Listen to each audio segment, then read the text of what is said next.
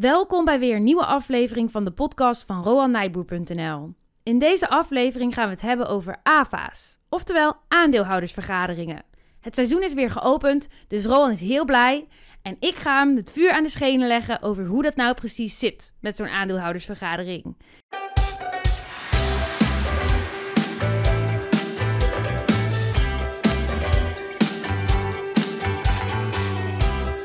Ja, leuk dat je weer luistert. Mijn naam is Barbara. En ik ben nog steeds Roban. Ja, en deze week zijn we er weer echt. Jazeker. Ja, want vorige week hebben we een beetje vals gespeeld. We hebben een podcast online gezet die nog op onze plank lag. Omdat, ja, hadden we een goede reden, Rowan? Aandeelhoudersvergaderingsseizoen. ja, dat vind je wel mooi, hè? ik, vind het, ik vind het wel leuk. Dit jaar is het, is het wel totaal anders dan andere jaren. Maar eh, ja, ik vind het altijd wel gaaf. Ja, want dit jaar gaat alles digitaal. Ja, ja. En dan, eh, ja, dan is de charme van de aandeelhouders, de intrige, is, is een beetje, is, is veel minder.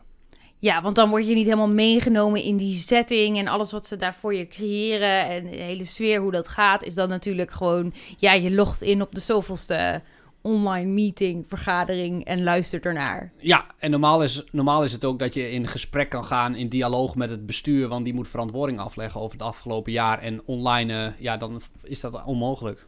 Ja, ja, de vragen worden dan nu vooraf ingediend en dan een soort van ja, opgelezen beantwoord toch? Ja, die kunnen ze allemaal dus uh, voorbereiden en dan krijg je standaard geautomatiseerde antwoorden, zeg maar. En normaal ja. tijdens de vergadering kun je dat spontane vragen stellen, je kan doorvragen en dan kan je een beetje kijken of de, de CEO het achterste van de tong laat zien. Ja, kun je ze een beetje zeg maar nauw drukken en dan kijken wat er dan gebeurt? Ja, ja. Ja, ja want ja, Roland, welke aandeelhoudersvergaderingen heb je nu gehad? Uh, dit jaar uh, Basic Fit en New Ways. En staan er ook nog een paar op de planning? Jazeker, Stern, Ordina en in de zomer Holland Collars. Oké. Okay. Ja, want je hebt me mee laten luisteren stukjes. Dat kon nu mooi, dat was een voordeel. Ik heb een stukje Basic Fit gehoord. Wat vond je van? Ja, dat vond ik wel heel erg leuk. En dat komt dat we hebben natuurlijk in de podcast een keer Basic Fit besproken. En je hebt er een keer beleggingsanalyse uh, over geschreven. Dus ik, ik, en ik heb zelf bij Basic Fit een keer gesport. Dus, uh, nou niet een keer. Slapende leden. Slapende leden. nee. Je hebt ook bevroren leden trouwens. Dat is een nieuw begrip in de fitnesswereld. Uh, Wat is een bevroren lid? Uh, dat wordt steeds leuker daar. Ja, mensen die dus wel lid blijven in deze tijden, maar niet doorbetalen. Oké. Okay. En dat is dus nu een maatregel, denk ik, die ze hebben genomen. Ja, ja, ja, ja omdat de sportscholen dicht zijn. Ja, beter dan het lid verliezen eigenlijk. Ja, ja. Ja, best slim. Ja, tuurlijk. Ja, nou, ik vond, uh, ik vond Basic Fit daardoor best wel leuk. Doordat je er al wat van weet en dan snapt wat het bedrijf is. En ook het verdienmodel snapt. Dat ja. helpt toch wel heel erg. Ja, ik, ik, sowieso beleggen is veel leuker als je belegt in bedrijven die je kent. Ja, want als ik het nu hoorde van de vragen die ook worden gesteld dan over hoe ze dat doen met die sportscholen en met die leden. Um, en doordat ik dan weet van jou dat ze bijvoorbeeld de sportscholen in eigen beheer hebben, dan is het ook in één keer, snap je goed dat het probleem ligt bij dat dat gewoon doorbetaald moet worden, die kosten voor die sportscholen. Ja, ja de huur die betalen zij. En uh, bij de McDonald's zelf, als je naar hoofd Amerikaanse moederconcern krijgt, die hoeft dan niet de, de huren van de McDonald's door te betalen, want dat doen de franchise-nemers. Ja, precies. Dus dan worden de franchise-nemers extra hard geraakt, maar weer niet McDonald's zelf. Ja. Ja, en dat is bij Basic Fit dan. Basic Fit wordt echt zelf heel hard geraakt. Ja. Ja. En um, ja, New Ways, daar heb ik ook een stukje van gehoord. Ja. Hoe was dat, Roan? Ja, dat was, uh, dat is gewoon heel lastig, de interactie uh, met, met het bestuur. Maar het is wel, ja, het is wel leuk, maar het, het was een beetje ja, voorgekookt, vond ik dan. Ja, dan krijg je van die echt voorbereide antwoorden. En als er dan niemand is om het echt aan de tand te voelen, dan blijft het er ook bij. Ja, ja.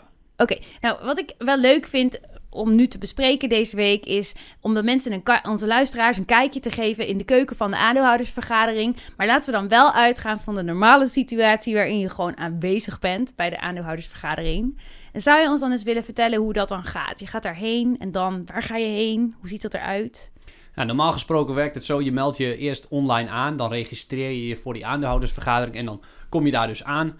En dan staan er allemaal op de parkeerplaats al uh, dikke, hele dikke auto's, zeg maar. en, uh, en je ziet ook veel rollatoren en dergelijke op een gemiddelde aandeelhoudersvergadering. Oh, nee. Kan, kan ik niet zeggen? Is het toch niet waar? Jawel, de gemiddelde leeftijd zou, van de aandeelhouders schat ik op eh 60. Jawel, maar ze komen toch niet met een rollator? Ah, nee. nee, in de Ferrari en de rollator dan in de aanhangwagen erachter. Dan komen ze toch niet meer uit die Ferrari op die leeftijd? Oh ja, dat is lastig, Het is hè? een Ferrari Ja, met zo'n eh, sta op. eruit, ja. sta op. eh. Ja, Oké, ja. Nee, maar, ehm, en dan eh, kom je bij de receptie en daar meld je je aan dat je er daadwerkelijk bent. En dan ben je ook stemgerechtigd, zeg maar. Dan melden ze aan hoeveel aandelen je hebt, want per aandeelvak heb je één stem. Eh, en als je de meerderheid van de aandelen hebt, ben je trouwens meerderheidsaandeelhouder. Maar als je één aandeel hebt, mag je er al gewoon heen. Dus eh, als ook studenten als luisteraar zijn, dat is een goede tactiek. Want je kan gewoon dan van alle grote Nederlandse bedrijven overal één aandeel inkopen. En dan kan je gewoon gratis eten. En het is vaak supergoede catering en dergelijke. dus je kan een hele dag eigenlijk gratis overleven op één aandeel. En als een gemiddeld aandeel 20 euro kost, dan kan je elk jaar daar weer heen op één aandeel. Dus dat is een hele goede levensinvestering, zeg maar. Ja, eh, Afgezien van de reiskosten. ja dus, dat is waar. Ja, ja. Maar, je- je- nog ook wel interessant. Je, kan, je mag dan ook vragen stellen. Ja, je steekt, er, je steekt er wat op. Ja, je, je gaat begrijpen hoe bedrijven functioneren. Oké, maar we waren binnengekomen bij de receptie. Ja. En dan? Nou, dan word je eerst vaak in een lobby ontvangen. En de ene aandeelhoudersvergadering is, heeft het supergoed in een heel luxe hotel met een mooie zaal en dergelijke. En de, bij de andere is het gewoon in de personeelskantine. Dus daar zit een enorm verschil in, in hoe aandeelhouders dan eh, ja, verwend worden of, of, of juist wat minder, zeg maar. Maar dan, dan kom je in die zaal en dan begint het bijvoorbeeld om eh, tien uur s ochtends. En dan, ja, in de zaal zit dus vol met eh, of, of 50 aandeelhouders. Maar je hebt ook eh, wat grotere bedrijven, duizend aandeelhouders. En dat is nog steeds soms maar een fractie natuurlijk van de aandeelhouders. En dat zijn de mensen die dan, daar dus daadwerkelijk komen. En wat je dan ziet is de aandeelhouders gaan zeg maar zitten in de zaal. En die richten hun blikken allemaal op de, de, de hoge heren, zeg maar. Eh, de raad van bestuur. En ook, dat is, een, dat is de ene partij. De raad van bestuur bestaat vaak bijvoorbeeld uit de CEO en de CFO. Die doen de dagelijkse, dagelijkse management. Dat zijn die allemaal met, hun C, met een C'tje in hun eh, titel. Chief, nog wat. Ja, CEO, Chief eh, Entertainment Officer heb je soms nog. maar, eh, en daarnaast heb je de, de Raad van Commissarissen, die eigenlijk toezicht houden op de Raad van Bestuur. En de voorzitter van de Raad van Commissarissen opent dan vaak met een hele zware stem, want dat, dat, dat zijn toch wel gemiddeld mannen van rond de 60, 70. Ja, die dan dat als bijbaantje hebben. Want in de, als commissaris hoef je dat. Ja, dan ben je misschien een, eh, maar een paar weken maximaal per jaar bij de onderneming betrokken. Oké. En die opent dan de vergadering en dan eh, gaan we van start. En zijn er dan nog meer mensen aanwezig? Is er ook pers? De accountant is er. Eh, pers maak ik wat minder mee, want ik ga vaak niet naar de hele bekende grote aandeelhoudersvergaderingen van Shell of zo. Daar zal wel pers zijn, maar heel vaak is er wel pers, want pers kan er, kun je ook niet blokkeren, want die kan zelf ook gewoon een aandeel kopen en daar gewoon gaan zitten. En de, de, de accountant is er bijvoorbeeld ook nog, want die heeft de jaarrekening, de cijfers gecontroleerd. Dus die moet ook verantwoording afleggen, net zoals de raad van bestuur dat moet doen. Oké. En ik stel me dan zo voor dat ze op een of ander podium zitten en dan eh, dat er echt alle blikken naar hun gericht zijn. Of is dat niet zo? Nou, wel alle blikken zijn op ze gericht, maar ze zitten dan vaak achter een lange tafel met de naamkaartjes ervoor. En achter de microfoons. En wordt er dan goed voor je gezorgd als aandeelhouder? Ja, verschilt per bedrijf, maar in principe gemiddeld is het echt wel goed voor elkaar. De catering is goed, ook na de tijd krijg je vaak een presentje mee als dank voor dat je aandeelhouder bent. Ja, en het is natuurlijk wel een beetje ook een politiek spel, want de, de raad van bestuur en de raad van commissarissen willen ook goed voor de aandeelhouders zijn die daar komen. Want ja, misschien krijg je dan wel net een minder kritische vraag doordat je ze goed behandelt. Denk je niet dat als je ze allemaal een beetje suiker geeft en zo, dan krijgen ze allemaal zo'n dipje en dan zitten ze allemaal op die stoel en dan vallen ze een beetje zo in slaap bij dat geluisteren naar al die lange verhalen over toch best wel nou ja, droge materie. En dan worden ze toch misschien iets minder kritisch van, stellen ze iets minder moeilijke vragen. Ah, misschien, ja, mis- misschien breng je wel een aantal CEO's op het idee eh, die deze podcast luisteren. Ja. Ja.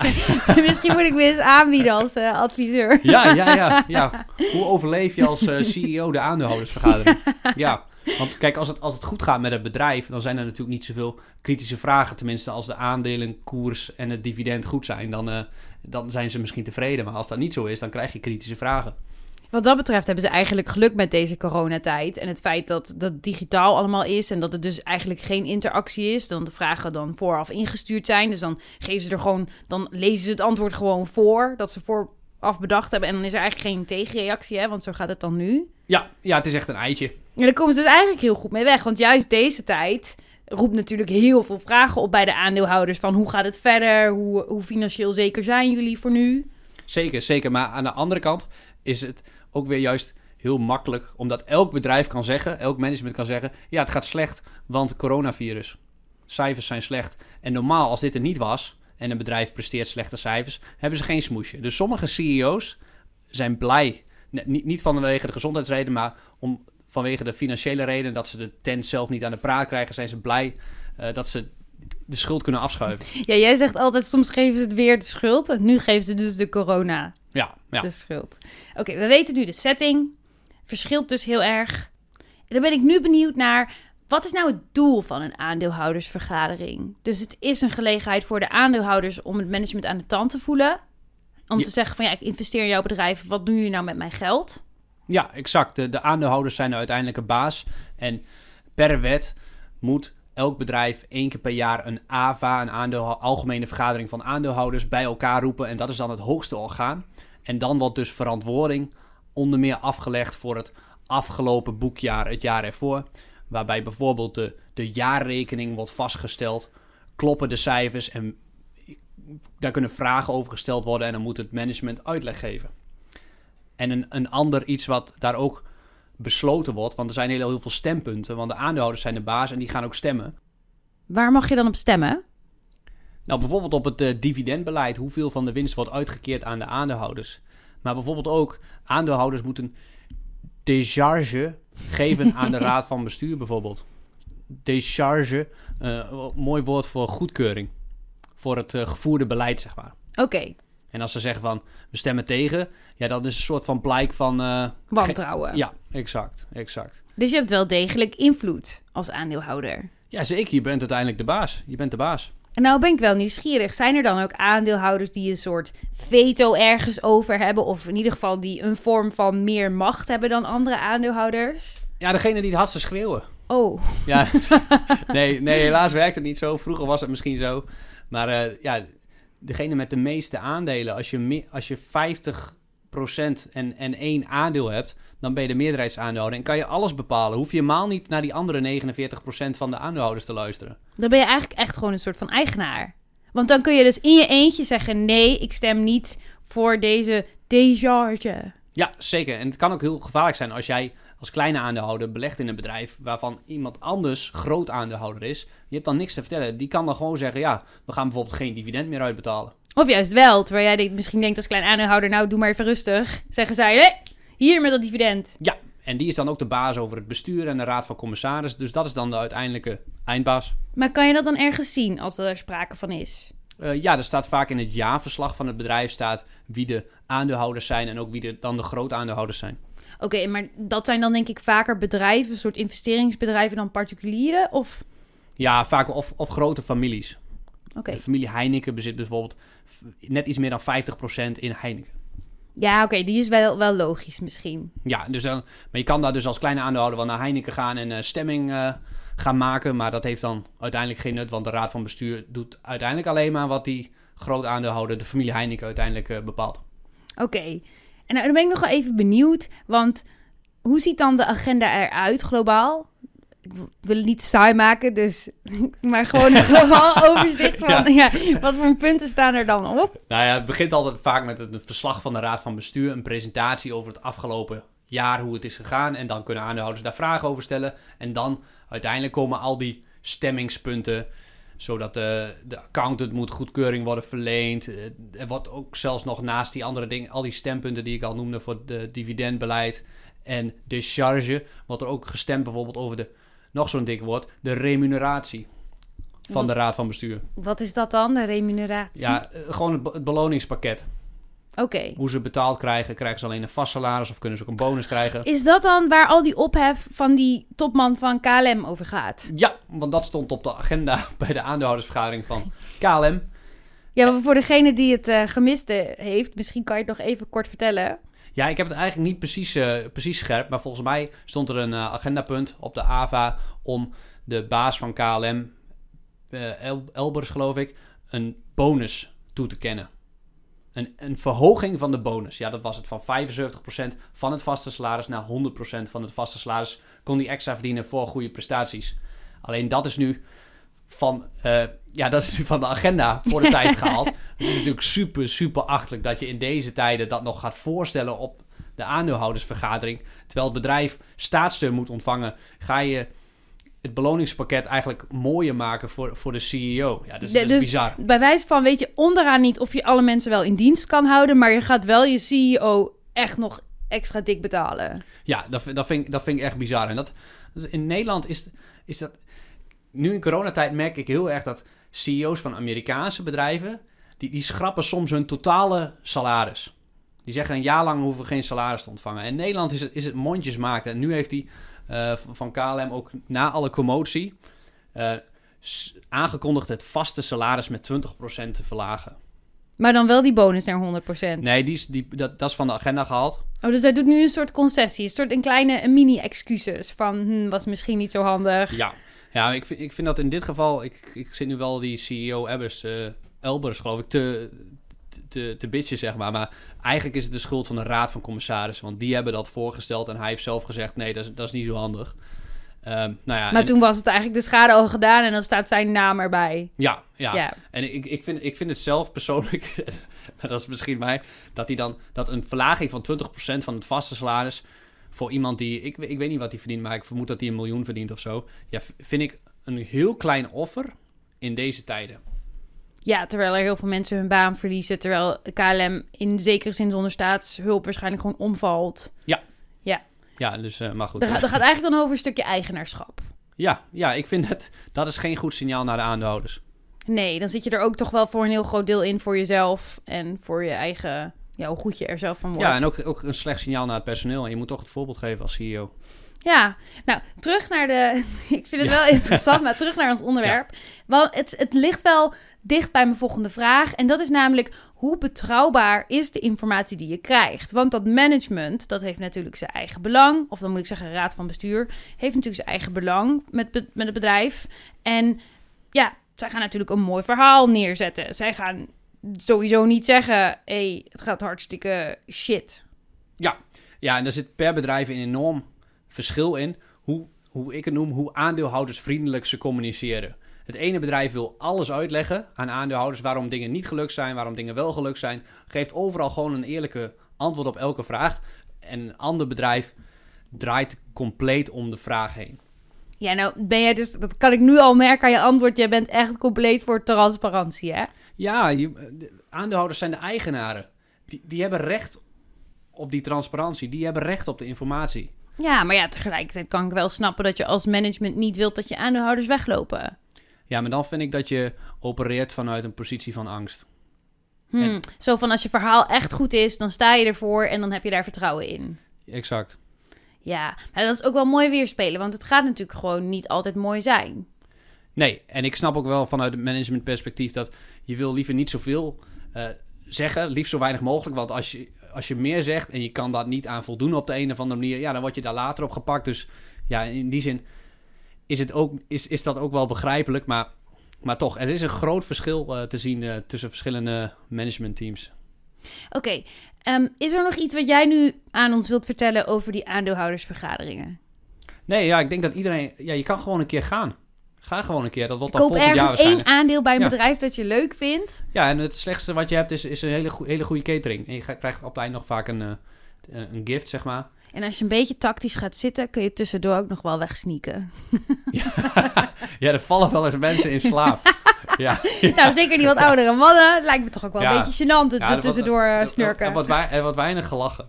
Oh. En Zeker als, eh, als alles goed gaat, dan is het gewoon... eh, ja, dan, Oh, dat doet me denken aan een, aan een ja, ja, sorry, maar dit heb jij gezegd tijdens een, ik zal niet zeggen welke, aandeelhoudersvergadering.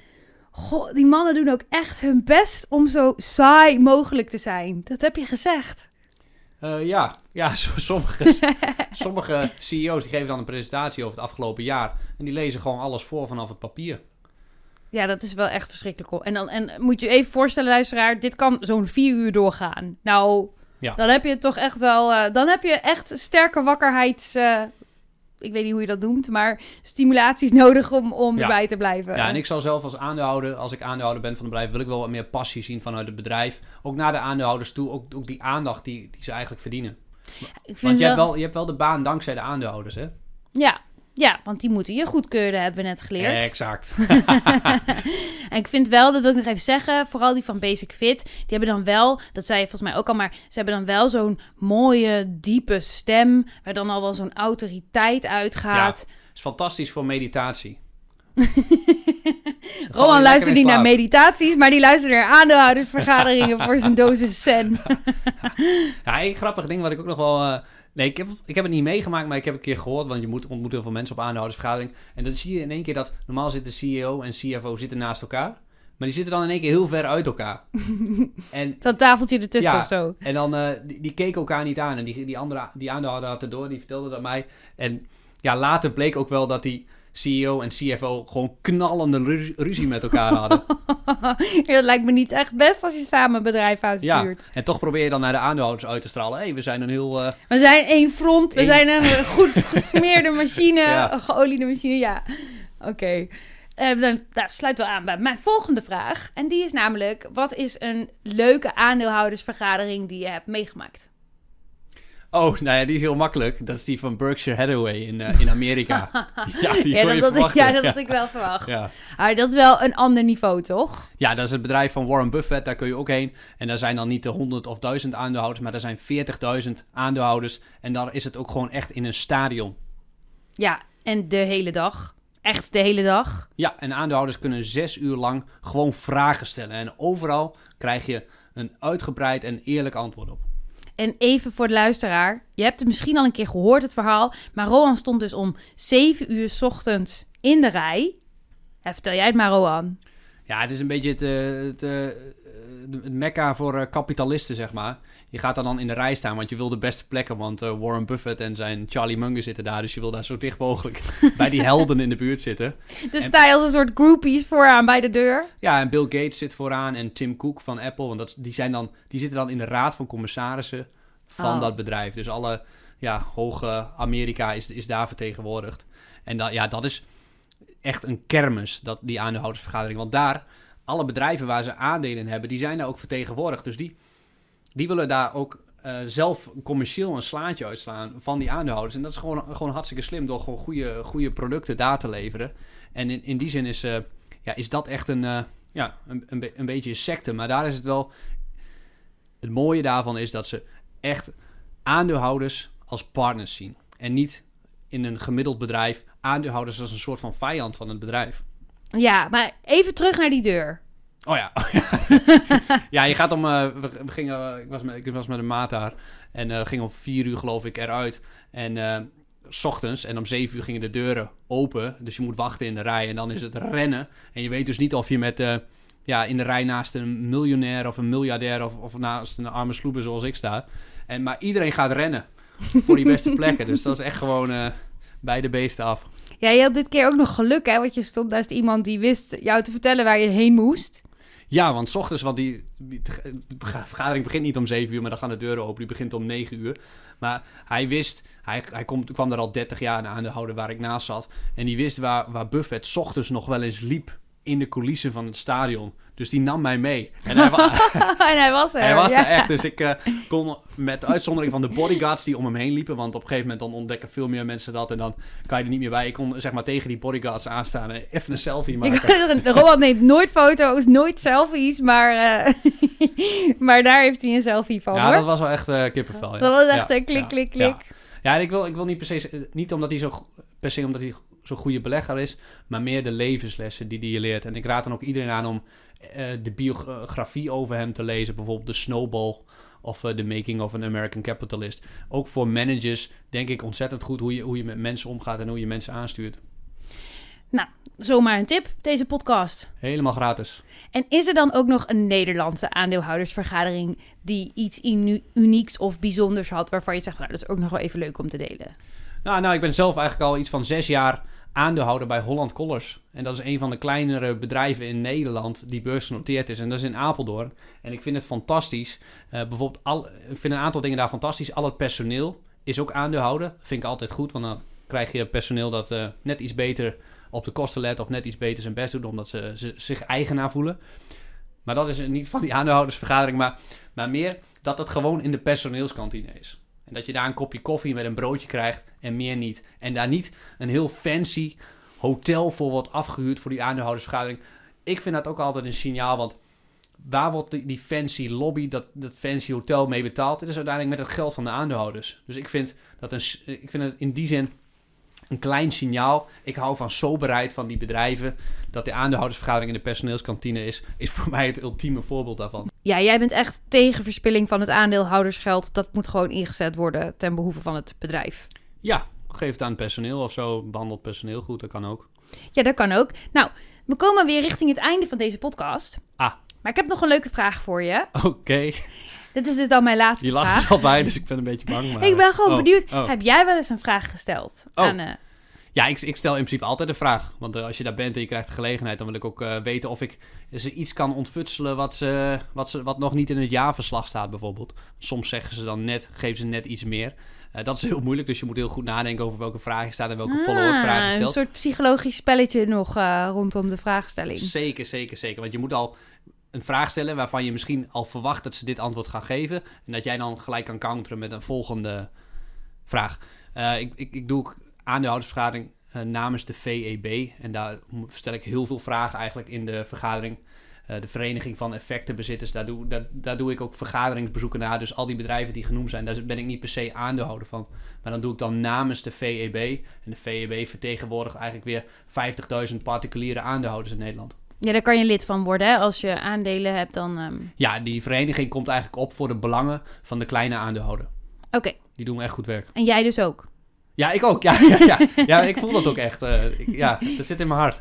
Ja, dan zit je die kritisch die vragen op te stellen en eh dat ja, want als, klei- kleine aandeelhouder word je soms echt eh buitenspel gezet op bepaalde vlakken. En daar kunnen we nog uren over praten. Maar dat, ja, dat, dat vind ik En- onterecht. Ik vind gewoon één aandeel. Als je, ook heb je één aandeel, dan heb je, moet je dezelfde rechten hebben als de grote jongens. En door dat dan zo te bundelen in een vereniging, ontstaat er in één keer wel een vorm van macht. Ja, dan kun je vuist vormen tegen... Ja, De grotere aandeelhouder. ja, ja, Ja. ja. ja, Oké, En het AVA is dan het podium om dat eh, te laten gelden. oké. En dan stem je ook. En dan stem je soms ook tegen. Oké. Nou, dit was het wat mij betreft. Ah. Heb jij nog iets wat je wilt delen? Nee, eigenlijk niet. Nou, dan eh, was dit het voor nu. Leuk dat je luisterde en tot de volgende keer. Dankjewel, tot ziens. Doeg. Hoi.